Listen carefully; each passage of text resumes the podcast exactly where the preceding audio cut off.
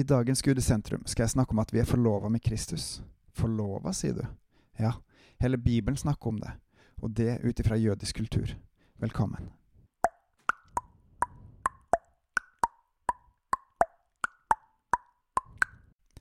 Da Jesus ble født, var foreldrene hans forlova, for Josef og Maria hadde ikke fullbyrda ekteskapet ennå. De hadde flytta sammen, men de hadde ikke sett hverandres nakenhet slik skikken var at kun ektefolk skulle. Med mer, selvfølgelig. Grunnen til det var ganske åpenbar, for Maria var, var ikke gravid med Josef, men Den hellige ånd. Naturlig nok. Så hvorfor var det her så viktig? Jo, fordi det var slik man ble mann og hustru, det var slik man ble gift. Ikke bare på papiret, men også i senga. Slik skulle det egentlig vært i dag også, etter Guds standard. Det var noe mer som var spesielt med Josef og Maria, for de var forlova med hverandre før de flytta sammen, slik Gud sier at man skal være. Det var helt vanlig da, som det burde være blant kristne i dag, men ut ifra jødisk skikk var omstendighetene så spesielle, spesielle at Josef vurderte å bryte forlovelsen med Maria.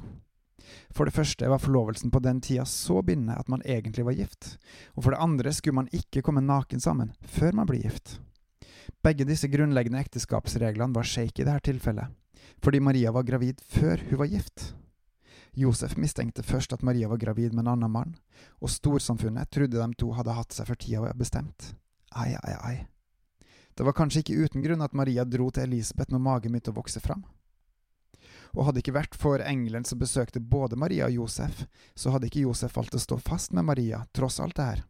For et ekteskap skal holdes hellig, og forlovelsen er forløperen til det her. Så over til forlova med Kristus.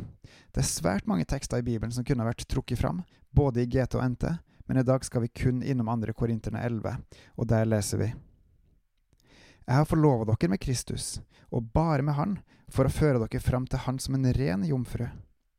Men jeg er redd at slik slangen narra Eva med sin list, skal også deres tanker bli ført på avveier, bort fra den oppriktige og rene hengivenheten til Kristus. For dere tåler det svært så godt når noen kommer og forkynner en annen Jesus enn den vi har forkynt, eller når dere får en annen ånd enn den dere har fått, eller et annet evangelium enn det dere har tatt imot. Her snakker Paulus om de kristne, de troende i Korint.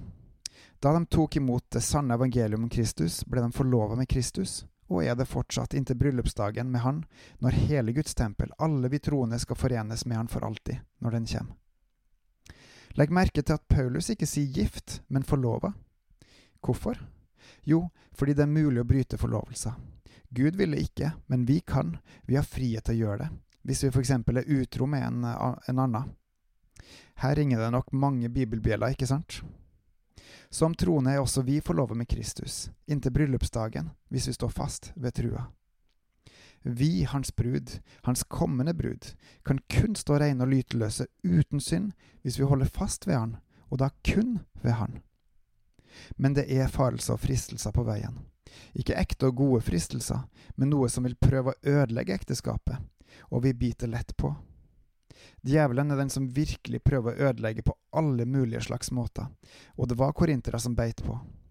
Noen hadde latt tankene sine bli ført på avveier, og det gjennom en annen Jesus, en annen ånd, eller et annet evangelium. Så også i dag og til alle tidene. Folkens, hold fast med Jesus, Den hellige ånd og hans evangelium.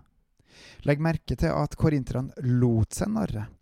De hadde et valg, og noen av de falt ifra, de brøt forlovelsen, og det lar seg ikke gjenopprette uten videre. Folkens, vi er forlova med Jesus ved trua, og da må vi holde fast med Han og ingen andre. Da må vi bare være intime med Han og ingen andre. Ekteskapet skal fullbyrdes når Han kommer igjen. Derfor, stå fast med den ekte Jesus, Hans ånd og Hans evangelium. Bebels og voks med Han, Han aleine. På gjenhør.